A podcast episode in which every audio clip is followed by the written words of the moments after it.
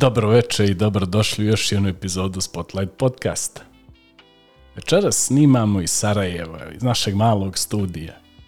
Sa nama je gospodin Faris Gurda. Između ostalog je magistrirao na ekonomskom fakultetu u Sarajevu. Farise, dobrodošao u ovaj naš mali studij u Sarajevu.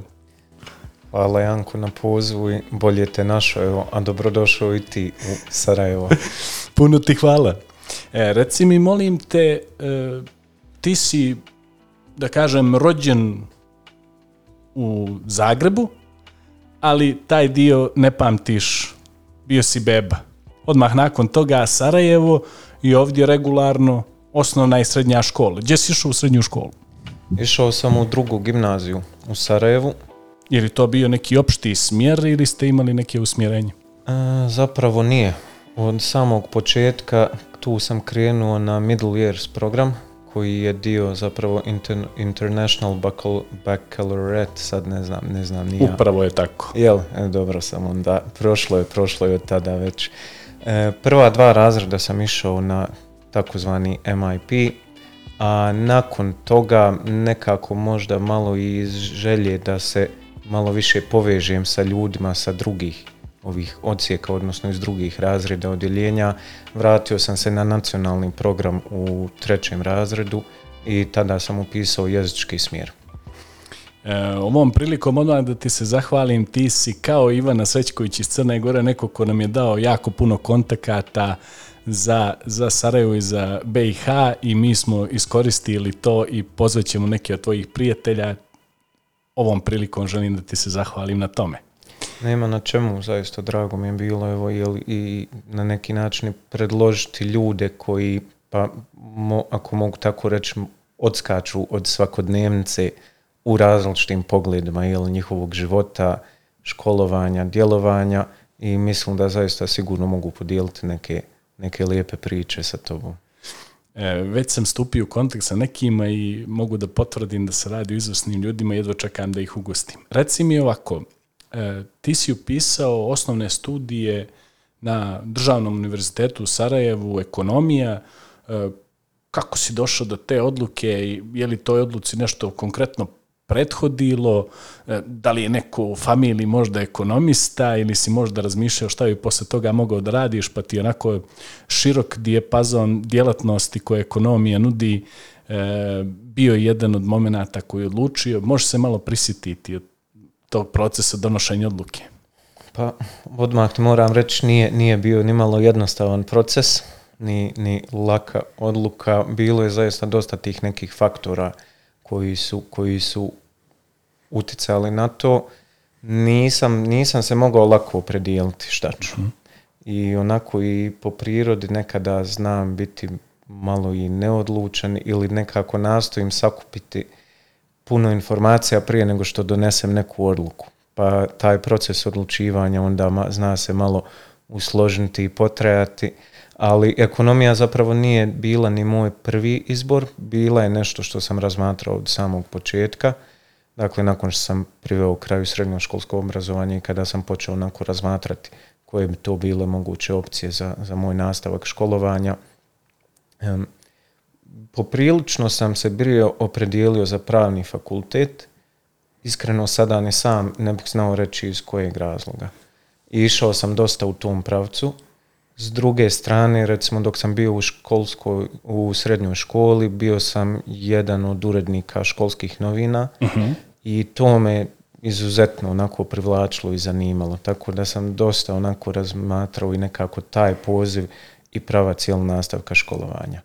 I mislim, bilo je bilo, zaista nekada ne znam koliko je ni dobro imati tako preširoko polje interesovanja, jer svašta je mene nešto privlačilo, pa sam razmišljao čak i o režiji i onako i tako. I, razmatrao sam dosta nekih um, međunarodnih, ajmo reći, stranih fakulteta koji su tu bili u Sarajevu, ali rekao mi da sam u zadnji čas prelomio i odlučio da to bude ekonomski fakultet u Sarajevu.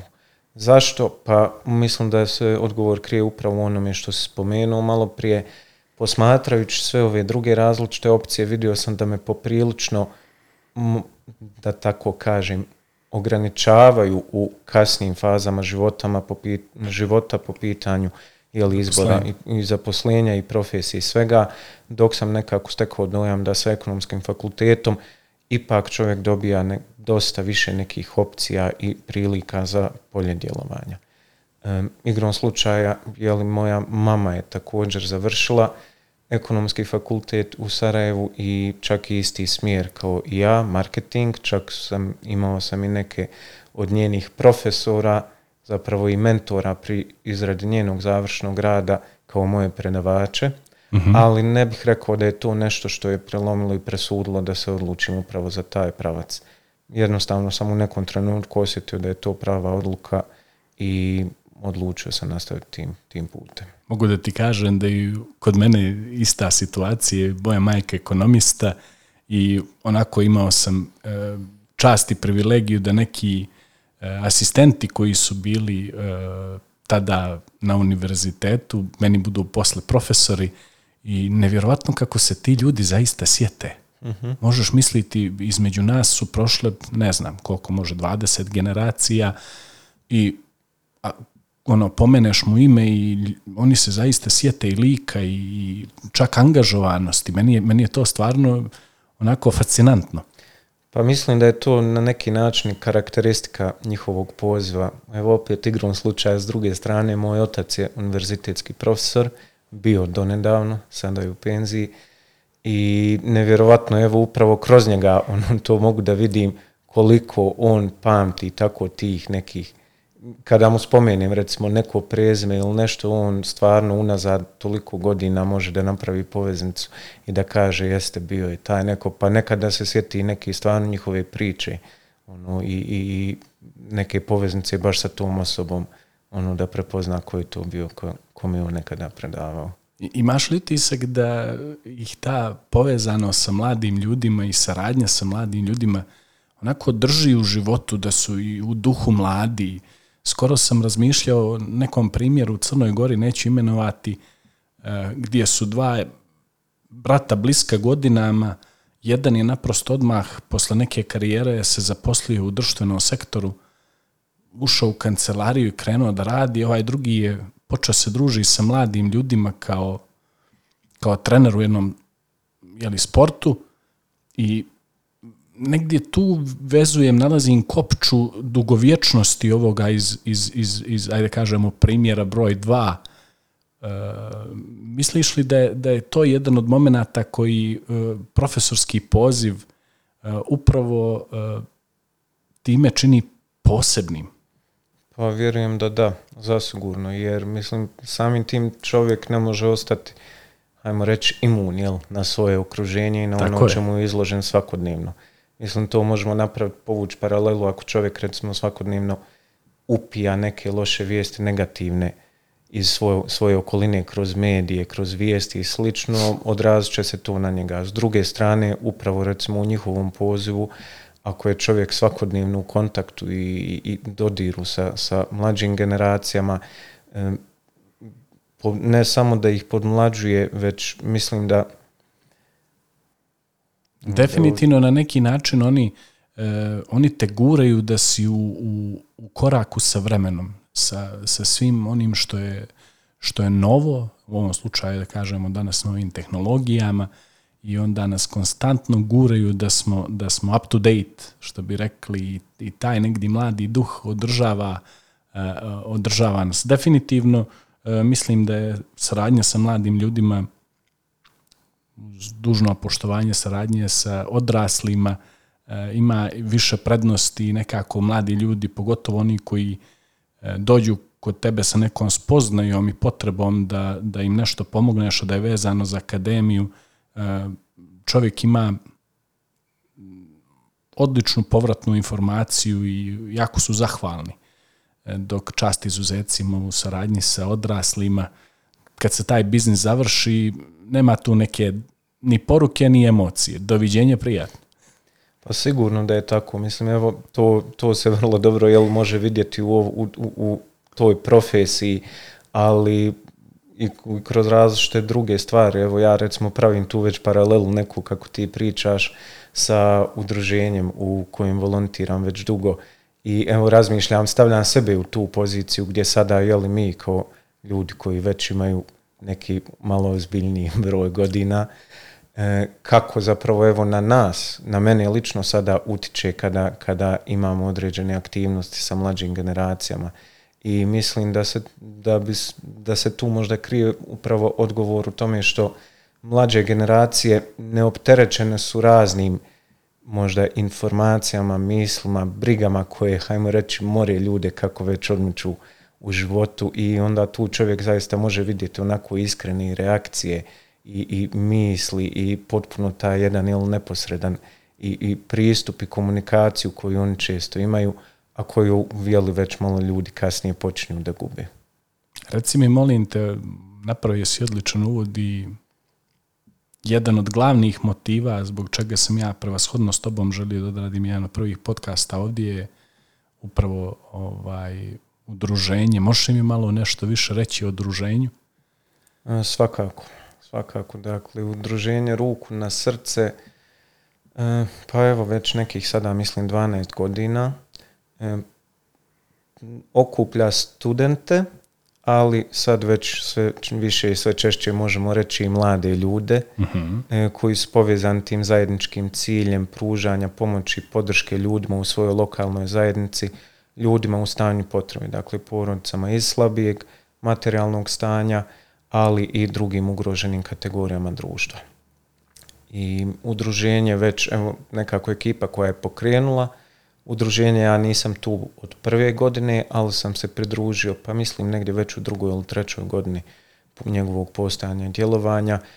to je bila ekipa studenata primarno, po najveći broj njih sa elektrotehničkog fakulteta u Sarajevu i od njih je nekako počela sva ta priča u prvobitno neformalno, a vrlo brzo su to i formalizovali kroz registraciju jel, kao, kao jednopravno lice udruženje građana i to je evo priča koja u kontinuitetu traje već nekih 12 godina.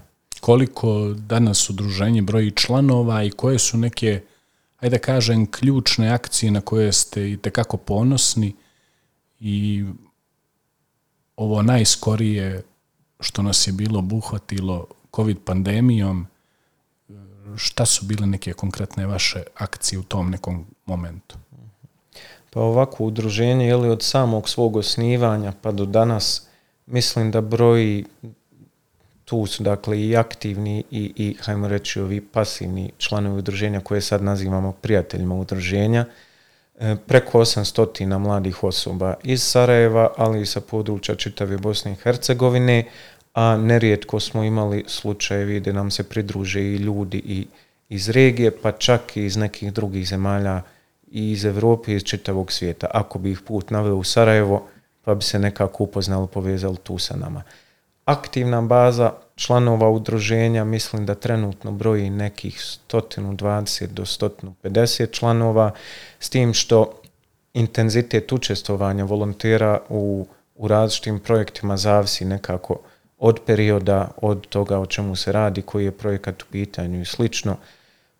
Naš upravni odbor broji nekih desetak članova, to je dakle, hajmo reći, jezgra udruženja i ljudi koji na sebe preuzmaju najveći teret, najveću odgovornost, onako kad niko drugi se ne javi, jel, da će oni to izvući onako do kraja i propratiti da se sve realizuje kako treba, a osim toga pa možemo reći da imamo nekih 30-40 onako aktivnih članova koji se u različitim periodima odazivaju na, na djelovanje. Šta treba da posjeduje jedan budući član? Kako se postaje član udruženja?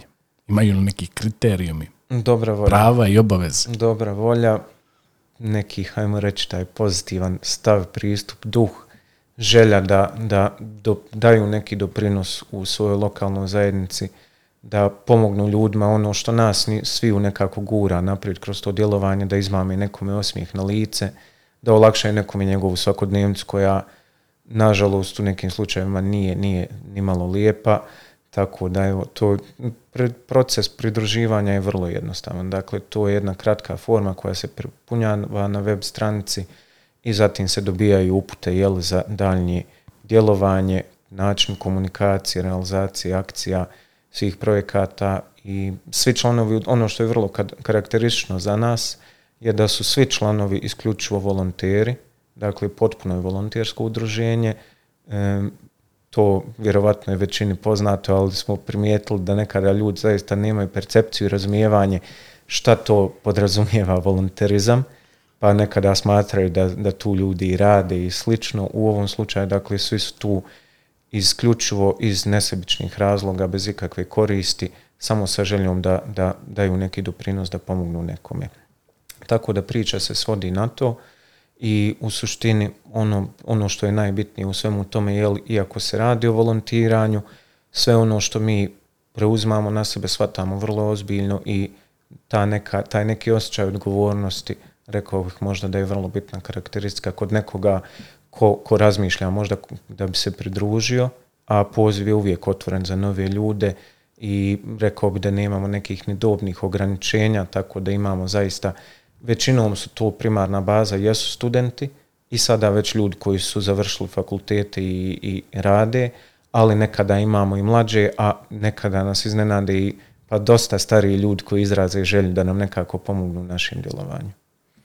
A izvini, pitao si me za, za kakve su to, jel neke konkretne... Koje su ključne neke akcije koje ste realizovali u nekom proteklom periodu, pogotovo ovaj osvrt na COVID, 19 pandemiju? Mhm.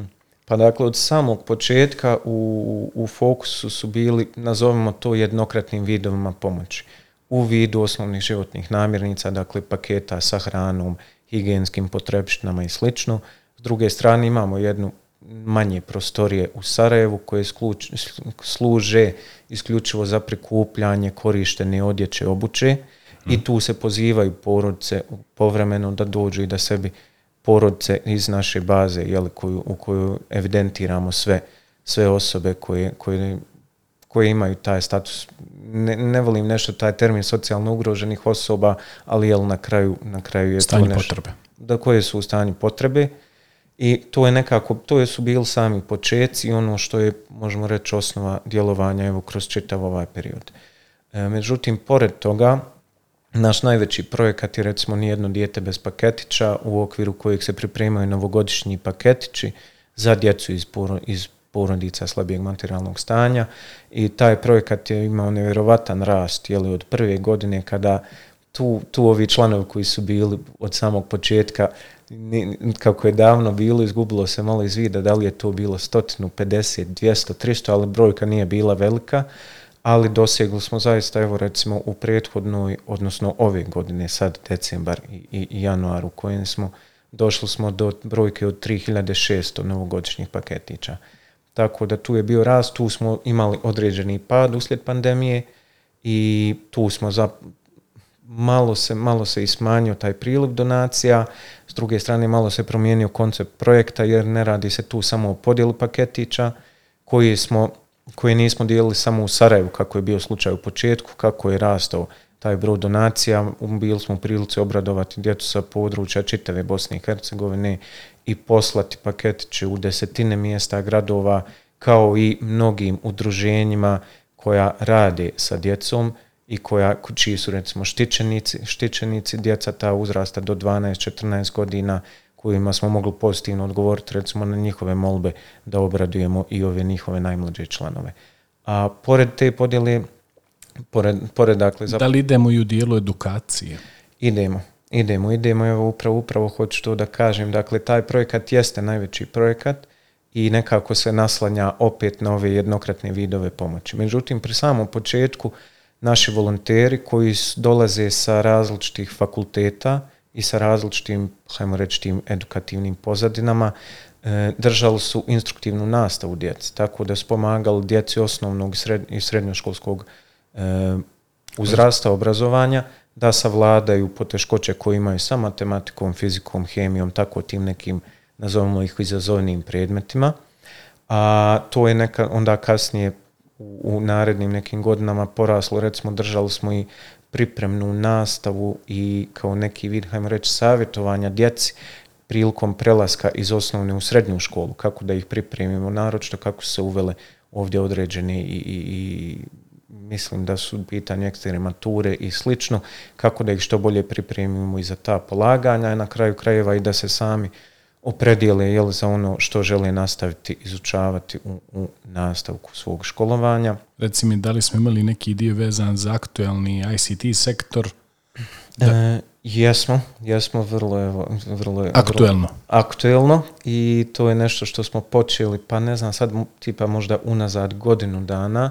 Upravo nas je pandemija možda malo i više gurnula u ovom nekom pravcu djelovanja online, recimo držali smo dosta online, prethodno smo držali konverzacijske kurseve stranih jezika koji su zatim svi prešli u online format mhm. i tada smo bili u prilici uključiti djecu sa prostora čitave Bosne i Hercegovine, a onda smo, mislili da je to sada već, jel meni je prošla 2022. 2021. godine smo po prvi put održali e, školu osnove programiranja i evo upravo dok mi razgovaramo, mislim da se upravo večeras održava jedan čas E, sada smo tu to realizovali u vidu radio, IT radionica na različite teme. Jedna od tih tema su recimo i osnove Pythona, jedan od programskih jezika. Pričalo se tu i o cyber sigurnosti i mislim da im predstoji posljednja radionica će biti na temu Canva. E, alat, alat za dizajn koji mi nije poznato, software. Obožavamo svi Canva ja sam jedan koji je koristio od samog početka jako sam negdje ponosan na tu mladu djevojku koja se stvarno vinula u, u, jeli, u zvijezde sa tim jednim projektom.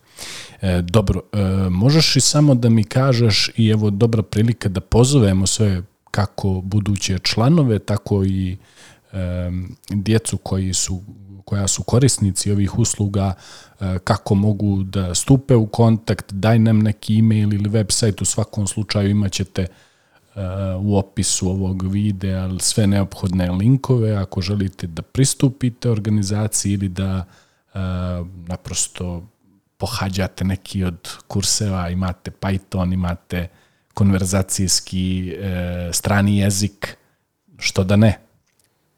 Prilika ima dosta i mi stvarno nastojimo da, da uvijek radimo na nečemu i novom, a evo i da ove postojeće ideje koje su se pokazale dobrim projektima da ih nastavimo realizirati.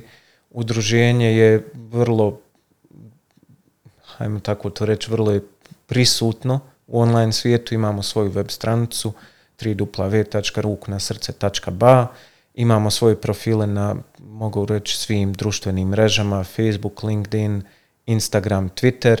Na Facebooku i Instagramu možda naj, onako ažurnije, najredovnije objavljujemo kako naše aktivnosti, tako i pozive je za ove različite projekte gdje se mogu priključiti i, i volonteri i donatori, a i je li, potencijalni korisnici korisnici ovih nekih lijepih akcija koje osmišljavamo. Sjajno. E, možeš i samo ovako da napravimo jedan uvod, bližimo se kraju ovog našeg prvog dijela. E, da mi negdje kažeš kako se izrodila ta jedna ideja za takvom jednom organizacijom i da napravimo tranziciju ka onome što si ti imao kao međunarodno iskustvo i svemu onome što danas radiš, uključujući i neke planove koje imaš za budućnost. E, ovako, pa dakle, jel, što se tiče samog udruženja ruku na srce, ideja nije krenula lično od mene, obzirom da sam se ja malo kasnije priključio, ali motiv je isti kao i prvoga dana svim ljudima. Neki od tih ljudi su na, na, jeli, na našu sreću još uvijek dio ove čitave priče i motiv je jednostavno bio da daju neki doprinos u lokalnoj zajednici da zapravo pomognu ljudima iz svog okruženja. E, kako se ta priča razvijala, tako se možemo reći i doseg djelovanja udruženja povećavao, tako da primarno je to bilo područje Sarajeva, a vremenom jeli, uspjeli, smo, uspjeli smo pružiti podršku i djeci i ljudima iz nekih drugih gradova iz Bosne i Hercegovine. ono što nas sve nosi jeli, kroz čitavo ovo vrijeme, to je taj neki, iskreno evo, mogu, mogu govoriti iz svoje perspektive, taj neki osjećaj lične satisfakcije ispunjenja nakon što, što je čovjek dijelom jedne takve priče i tu se ne radi dakle samo i o tome šta vi postižete kroz volontiranje generalno čovjek zaista može dosta izgraditi sebe ja bih rekao ako, ako ne u, u podjednakoj mjeri da barem, barem značajnim jednim dijelom da mi je volontiranje i u ruk ruku na srce i još nekim drugim organizacijama da mi je da me pripremilo, hajmo reći, i za život i za poslovni svijet jeli, nakon, nakon školovanja. Zbog čega je bitno volontirati? Šta nas volontiranje, zašto nas priprema i kakve sve prilike nam dalje daje u našoj profesionalnoj i akademskoj karijeri? Čućemo od našeg prijatelja i gosta Farisa nakon kratke pauze.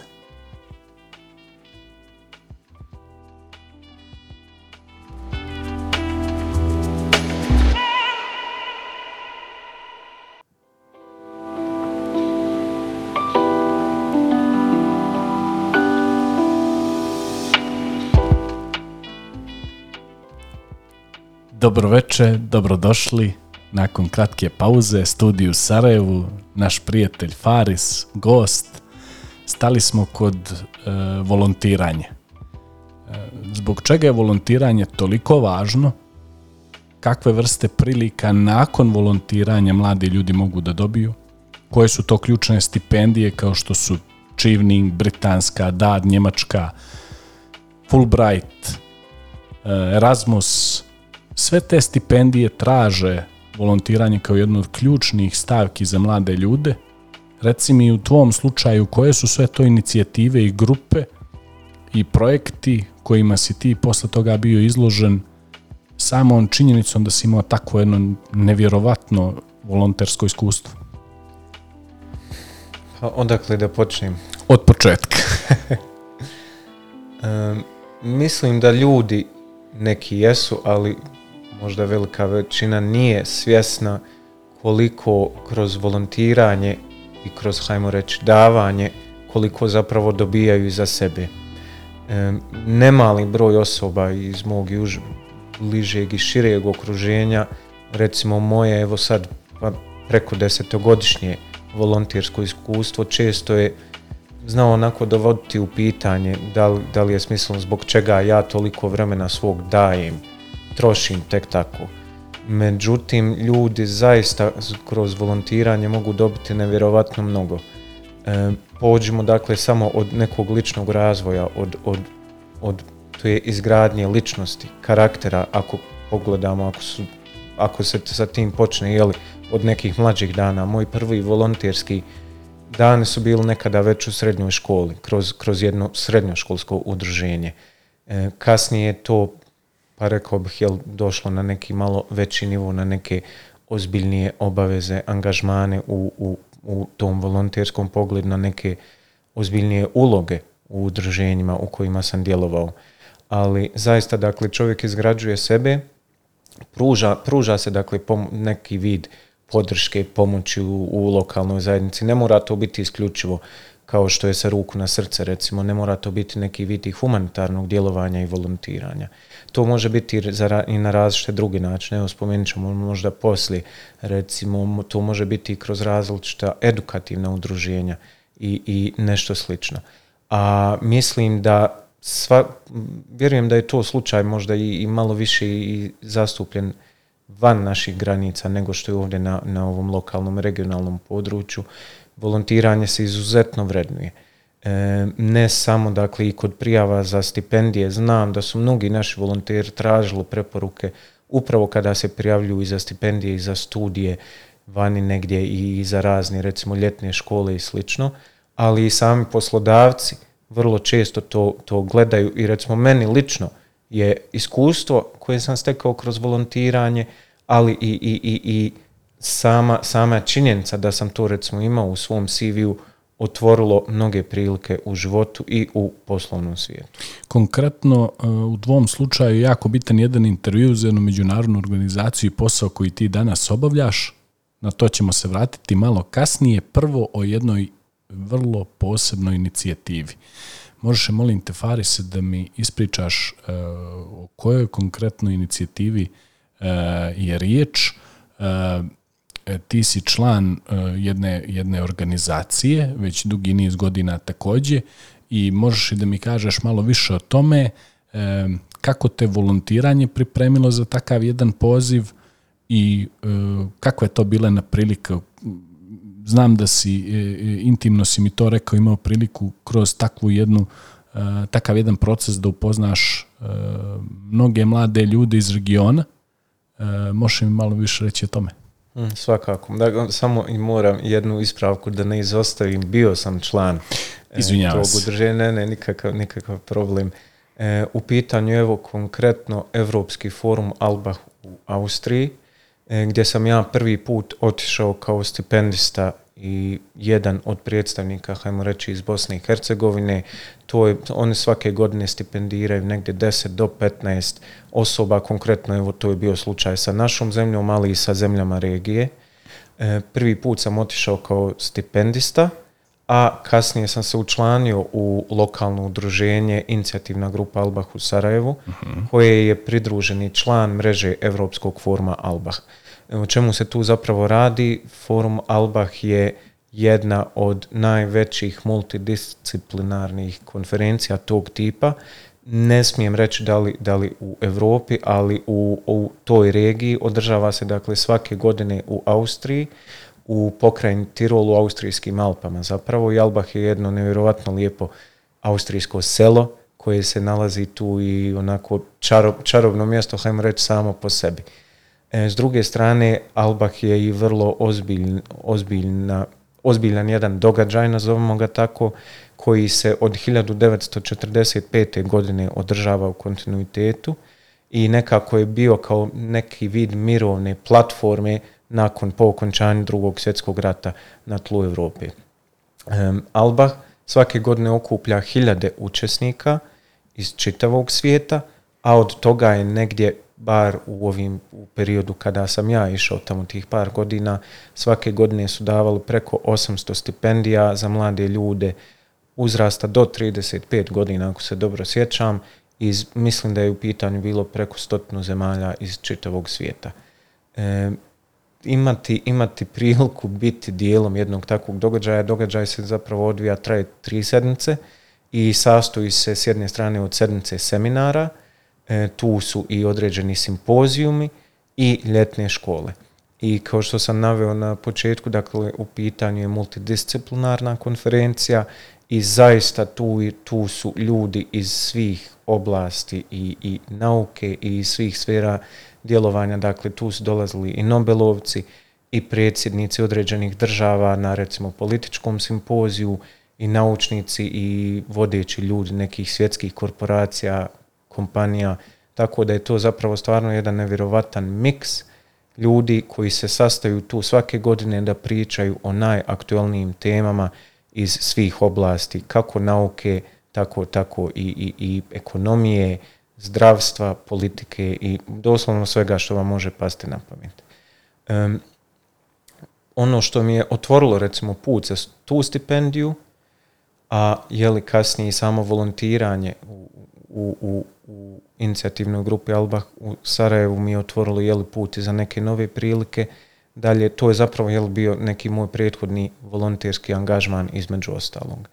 I po povratku sa foruma bili smo članovi udruženja, zapravo naš fokus je, evo, prethodno smo to spominjali, volontiranje ne mora biti isključivo u, u vidu nekog humanitarnog djelovanja i tog vida pomoći, E, naš angažman u, okviru ove organizacije bio je usmjeren na tome da promovišemo taj program stipendiranja e, mladima iz Bosne i Hercegovine, da ih upoznamo sa prilikama koje im se pružaju i na kraju krajeva li da osiguramo da na neki način i naša država bude predstavljena na tako jednom velikom događaju. E, Sad ono što bih ja e, volio mhm. da, da napravim jednu blagu digresiju, tu vratit ćemo se mhm. na Albah naravno, Farise, ti si svjestan da negdje koncept ovog podcasta je orijentisan na neka međunarodna iskustva i najčešće povratnika u region i to, jeli, e, taj utisak neki koji oni sa sobom donose ovdje i kasnije što rade. Mnogo mi je zanimljiva tvoja biografija kao mladog momka koji je sve stepenice prošao ovdje, završio fakultet, završio magistarski na istoj državnoj instituciji, volim da to ispotenciram. Ovaj, mislim da je naša regija malo u jednoj, jednom plato efektu, da ne kažem problemu, zato što su ključne državne obrazovne institucije, makar i zemlje gdje ja dolazim, nakon bile ili još jesu u nekoj blagoj krizi kadra i svega ostaloga i polako se iz toga izvlačimo i da je to jedan od e, jeli, ključnih indikatora gdje se društvo danas nalazi, e, upravo i tome i ova moja digresija. Ti si e, odradio taj jedan malo drugačiji krug. Ti si odavde se iškolovao, ovdje si naučio jezik na C2 nivou i onda si kroz te prilike iz Sarajeva – dobio mogućnost da kroz volontiranje uđeš u takvu jednu inicijativu, kako su te svi ti koraci pripremili na ono što danas radiš? Po, poprilično složen komentar i, i pitanje, rekao bih. Mi to volimo u Spotlight podcastu tako da, da postavimo. Uzmi odlično. sebi vremena koliko ti, je, ti je neophodno. Pa evo, mislim, najbolje je da krenem pričati pa vjerujem da će se, da će se misli, posložiti. Pa evo nekako idem, idem redoslijedom kako se šta spominjao. Rekao bih da sam imao sreću i, i privilegiju da se školujem iako tu lokalno i na državnim, na, na državnom i univerzitetu i, i srednjoj školi. i druga gimnazija i ekonomski fakultet u Sarajevu koji djeluje pri univerzitetu u Sarajevu rekao bih da su vjerovatno među najjačim institucijama E, po pitanju tog državnog obrazovanja u, u našoj zemlji. Neka tako i ostane. Ovo je bila moja lična observacija iz nekog drugog ambijenta iz kojeg ja dolazim. Drago mi je da čujem da je kod tebe malo, malo drugačija situacija. Pa zaista jeste, zaista jeste. I jedna od mojih dilema pri upisu fakulteta zaista je bila bilo je tu nekih i opcija i za određene i, Zašto ne reći, vi u Sarajevu imate internacionalne škole? E, misliš, misliš da, da postoji, postoji nekoliko univerziteta internacionalnih i vagao sam se ja između toga, ali na kraju sam se evo odlučio na za državni i nisam se zaista ni malo pokajao. E, ekonomski fakultet, to nije slučaj sa svim fakultetima. Naravno. I zaista i po prijateljima, jel znam kakva je situacija bila na nekim drugim ustanovama i s kakvim se problemima suočavali, ali rekao bih da da sam zaista imao sreću da ekonomski fakultet je vrlo, vrlo onako, onako dobro i postavljen i rekao mi da je dosta moderniji možda u odnosu na neke druge e, institucije, na, na u osnovu na neke druge fakultete iz našeg okruženja. I evo ono što razmišljam zapravo, mislim da je i do same osobe i vrlo je bitno koliko pojedinac želi da i usvoji, mislim evo danas ako ćemo gledati realno, čovjek putem interneta, putem toliko online kurseva i svega može nevjerovatno znanje da upije bez, bez dana, nazovimo to formalnog obrazovanja. E, s druge strane, opet institucija koja je dobro posložena, koja onako dobro i može da usmjerava i sa kvalitetnim kadrom i da, i da prati studente, znači mnogo. E, u mom slučaju to je zaista bilo tako, imali smo vrlo do, imali smo dosta dobrih i profesora i mentora. Evo recimo ja sam imao tu sreću da, da imam takvog mentora i na prvom i na drugom ciklusu studija jeli, u oblasti marketinga, to je bio profesor Nenad, doktor Nenad Brkić i to je jednostavno čovjek koji voli svoj posao. I to se moglo vidjeti u njegovom pristupu i u odnosu prema studentima i neko takva osoba u svojoj profesiji prenosi i to jeli, jeli na svoje studente ako su imalo zainteresovani jeli, za to zbog čega su tu. Koliko su ta predavanja, znaš šta je u regionu, znaš šta je u inostranstvu, imao si prilike pričaš sa, sa kolegama na svim tim inicijativama i konferencijama na kojima si učestvovao, koliko su generalno predavanja na Sarajevskom državnom ekonomskom fakultetu aktuelna, koliko se bavite onim što e, se trenutno dešava na tržištu, Eh, evo pomenuli smo marketing, eh, koliko su aktuelni eh, kanali distribucije, koliko je aktuelno sve ono o čemu pričamo danas u dijelu digitalnog marketinga, da li se pominje aktuelna dešavanja vezano za brand identitete i sve ono što, što, što o čemu danas pričaju veliki marketing guruji. Pa rekao bih da tu sigurno uvijek ima prostora za poboljšanja. Mhm ali ipak imali smo priliku i slušati dosta ljude iz prakse i dolazili su nam kao gostujući predavači, između ostalog evo upravo i kod mog mentora kojeg sam spominjao, on je zaista nastojao da održava tu poveznicu između obrazovnog i realnog sektora i da se ne svodi sve samo na kako se to kaže, suhu teoriju, već da zaista čujemo šta se to dešava vani i kakvo je stanje i na terenu i nekako gledajući ja sam, mislim, na trećoj godini studija počeo honorarno i raditi na fakultetu pri jednom centru. Mhm. E, to je Centar za management informacijske tehnologije, a radio sam u jednom DL timu e, Ekonomski fakultet u Sarajevo. Mislim da je prvi, prvi fakultet koji je uveo distance learning, studij učenja na daljinu. I mi smo tu bili ekipa tokom par godina uz studiji E, eki, određena ekipa ljudi koja je uz, um, uz studij bila kao podrška realizaciji tog nastavnog procesa i nekako sam i kroz to i predmete koje nisam recimo i lično imao nekada recimo izborni predmet pa uvijek meni je bar bilo teško odlučiti se samo za taj jedan jer me uvijek interesovalo nekako više tih tema ali prati se taj korak recimo predmet e-marketing je bio već tada, evo kad sam ja sam završio 2012. 2014. ili 16. godine, ne mogu sad malo da se poslužim. Nije toliko ovaj, ni važno. Već je tada bio predmet koji se bavio digitalnim marketingom i, i slično. I recimo to je nešto što je vrlo primjenjivo i, i zastupljeno u praksi. Tako da prati, prati, prati se taj trend. Sad ne mogu, teško je reći jel koliko, nisam već ni ja već neko vrijeme dio dio te priče, prošlo je već malo kako sam završio školovanje, ali barem u odnosu na ostale fakultete mogu reći da je ekonomija nastojala da bude onako korak ispred. E, naravno da ne ispane da, da nas neko pogrešno ne protumači. Mi vrlo često e, iz ovog podcasta vrlo afirmativno pričamo o svim državnim institucijama u regionu.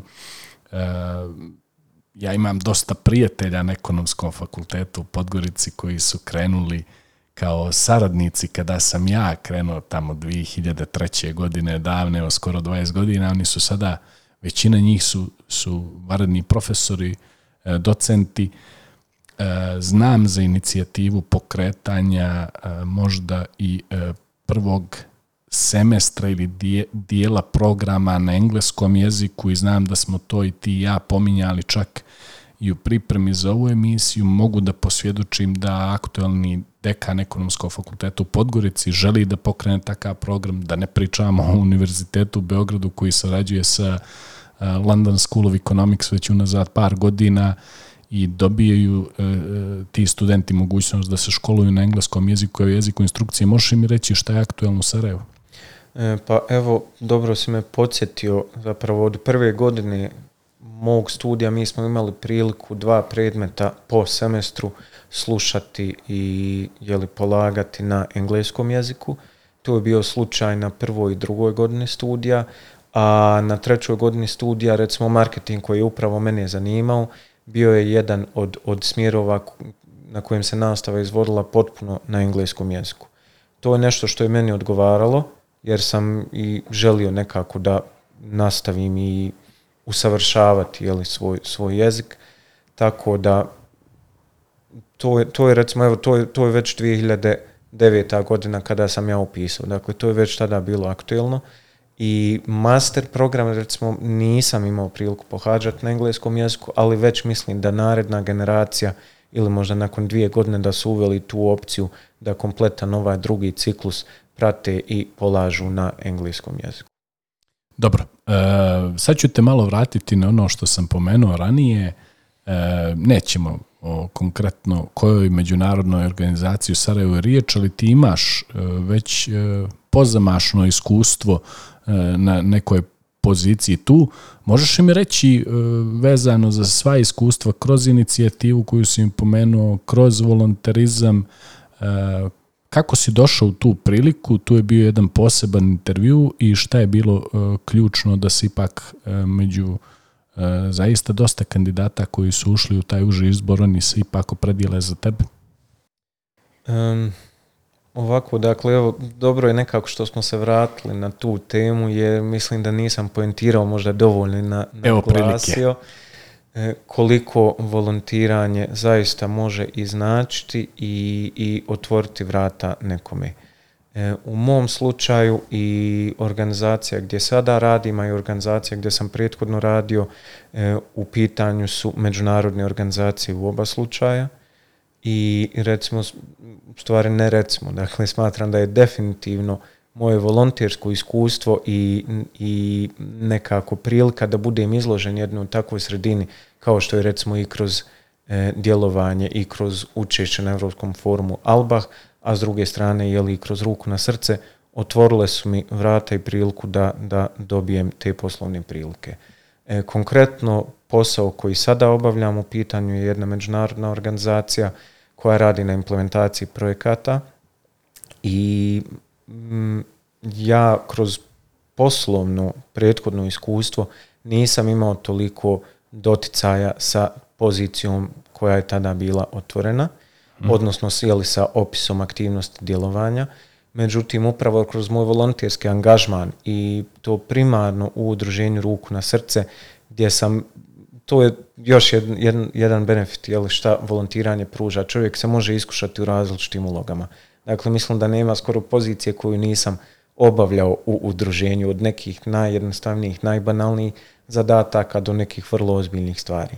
Tako da je recimo upravo i taj projektni menadžment i veliko mogu reći jel, dugogodišnje iskustvo na osmišljavanju, implementaciji, realizaciji različitih projekata pa i njihovom evaluiranju kasnije, to je nešto što mi je otvorilo priliku jel, za posao na kojem danas radim i mm, to je definitivno bio moj glavni adut.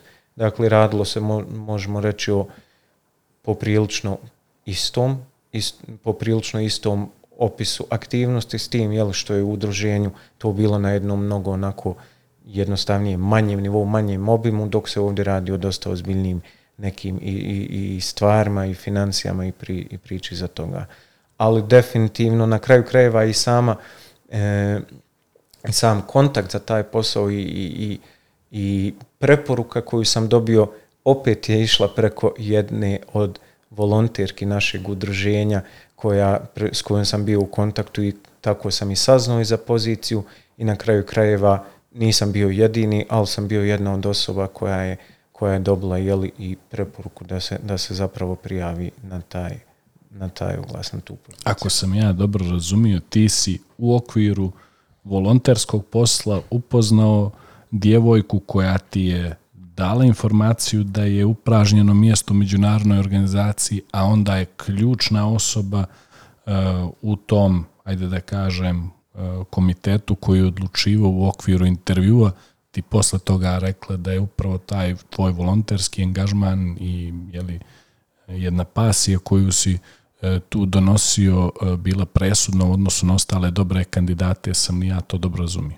Pa to, to je ono što sam i ja indirektno možemo tako reći, jel, jel shvatio i, i s jedne strane taj angažman, a i s druge strane što je konkretno, mislim opet se radi jel, o, o, o, o poslu, direktna poveznica i iskustvo koje sam imao kroz volontiranje, bilo je upravo ono što se i tražilo za tu poziciju. Vrijeme jako brzo teče, to ne treba ni da ti kažem, već smo negdje na 25. minutu ovog drugog dijela. Ti znaš da pratio si Spotlight podcast, mi ne odustajemo od dva tipa pitanja za sami kraj, za naše e, goste. E, prvo bi bilo, e, možeš i da mi daš neke tvoje planove za budućnost, onoliko koliko ti osjećaš da je dovoljno da podijeliš sa, sa, sa našom publikom i u dijelu toga pod pitanje e, da mi malo izanaliziraš iz svog dosadašnjeg nemalog iskustva e, bio si vani, e, ovdje si više se ostvario. Kako je danas živjeti u Sarajevu, ovo nešto što nismo pripremali, kako je, ovaj, prisjeti se kad se vratiš sa svih tih konferencija, i, i, i uđeš u taj ritam Sarajeva, e, da li misliš da, da, da ovdje mladi ljudi mogu da dobiju konkretnu priliku da se e, razvijaju u svim njihovim poljima, interesovanjima i shodno tome mi se nadoveži na tvoje planove za budućnost, a nakon toga ide poruka za mlade ljude danas. Opasno pitanje za kraj. Ja bih, ja se radio odmah na, na ovo drugo pitanje fokusirao. Idemo polako ponovo. Ovaj, ali evo po pitanju planova nekih iskreno ne, ne, ne planiram toliko daleko u budućnost. Dobro, to je okay. I nekako stvari su se bar u mom slučaju jedna stvar je vodila drugoj i nisam nikada se nekako mislim bitno je naravno da čovjek i planira i da onako ima jeli, neku sliku i da zna i šta želi i ka čemu teži ali ja sam nastojao da to ne bude neko opterećenje jeli, koje visi iznad mene i koje mi stvara pritisak, već jednostavno smatram da se stvari odvijaju svojim tokom. Na čovjeku je da se trudi, da ulaže neke, neke svoje napore, da iskreno pristupa jel, sa jednom onako željom u svemu i, i posvećenošću u svemu što radi, a onda će se jel nekako već sve posložiti. Rekao si mi da dolaziš iz akademske porodice, da li kod tebe postoji jedna, jedna misa da nastaviš koracima tvoga oca i da možda nastaviš da se baviš profesorskim pozivom u nekom dijelu svoje karijere, što bi prirodno značilo da sa ovog magistarskog idemo na neki PhD? Pa to je definitivno nešto o čemu sam razmišljao, i nešto što mi je i on sugerisao, ali nekako što su i moji vrlo bliski prijatelji posmatrajući moj pristup svemu e, primjećivali i smatrali da ću upravo i nastaviti jel već možda do sada. S druge strane recimo i ako, ako mog oca pitam on će reći da ne idem u tom pravcu. Dobro. Ovaj, Ima svojih prednosti i nedostataka. Sigurno, mislim kao i sve u životu. Dobro, ajde daj mi još kratko poruku za naše mlade gledalce i slušaoce i da polako zaključujemo ovo sjajno druženje? Pa evo, mislim da onako možda će to biti sad u ovakvim okolnostima i okruženju nepopularno mišljenje, ali ako čovjek uspije da se isključi od, od svih vijesti koje nas svakodnevno guše, onako i zatrpavaju i kroz medije i, i kroz, mislim ako čovjek isključi crnu hroniku i politička dešavanja. Mislim da život u Sarajevu može biti zaista vrlo lijep. Jedan je li od ključnih faktora zbog čega sam ja danas primarno tu, a nije da nisam razmišljao i o nekim drugim opcijama, to su mislim i porodice i prijatelji i to je nekako vjerujem ono što svakome i ko se i odluči za taj neki korak, ono što mu najteže pada i što ga najviše pogađa. ako se čovjek jednostavno onako dobro organizuje, ako nauči da ne razmišlja konstantno o ovim nekim tamnim temama, mislim da život može biti onako... Život u Sarajevu može biti prelijep. Ma može sigurno. Mislim, bez crne hronike. Bez toga i bez, bez političkih tema. Farise, puno ti hvala na ovom jednom nevjerovatnom gostovanju. Puno ti hvala na tvojim preporukama za buduće goste i nadam se da je ovo samo početak jednog finog druženja sa tobom i mene kao ispred Spotlight Podcast Hvala tebi Janko još jednom i na pozivu i hvala Ivani ovom putem. Pozdrav za našu drugaricu. Pozdrav za Ivanu koja te uputila jeli, jeli, i evo koja nas je povezala da i snimimo sada ovu epizodu, emisiju, a jeli da i vjerujem i da se družimo i u buduće. Puno ti hvala još jednom. Bilo, bio je ugodan razgovor i hvala tebi i pozdrav svima.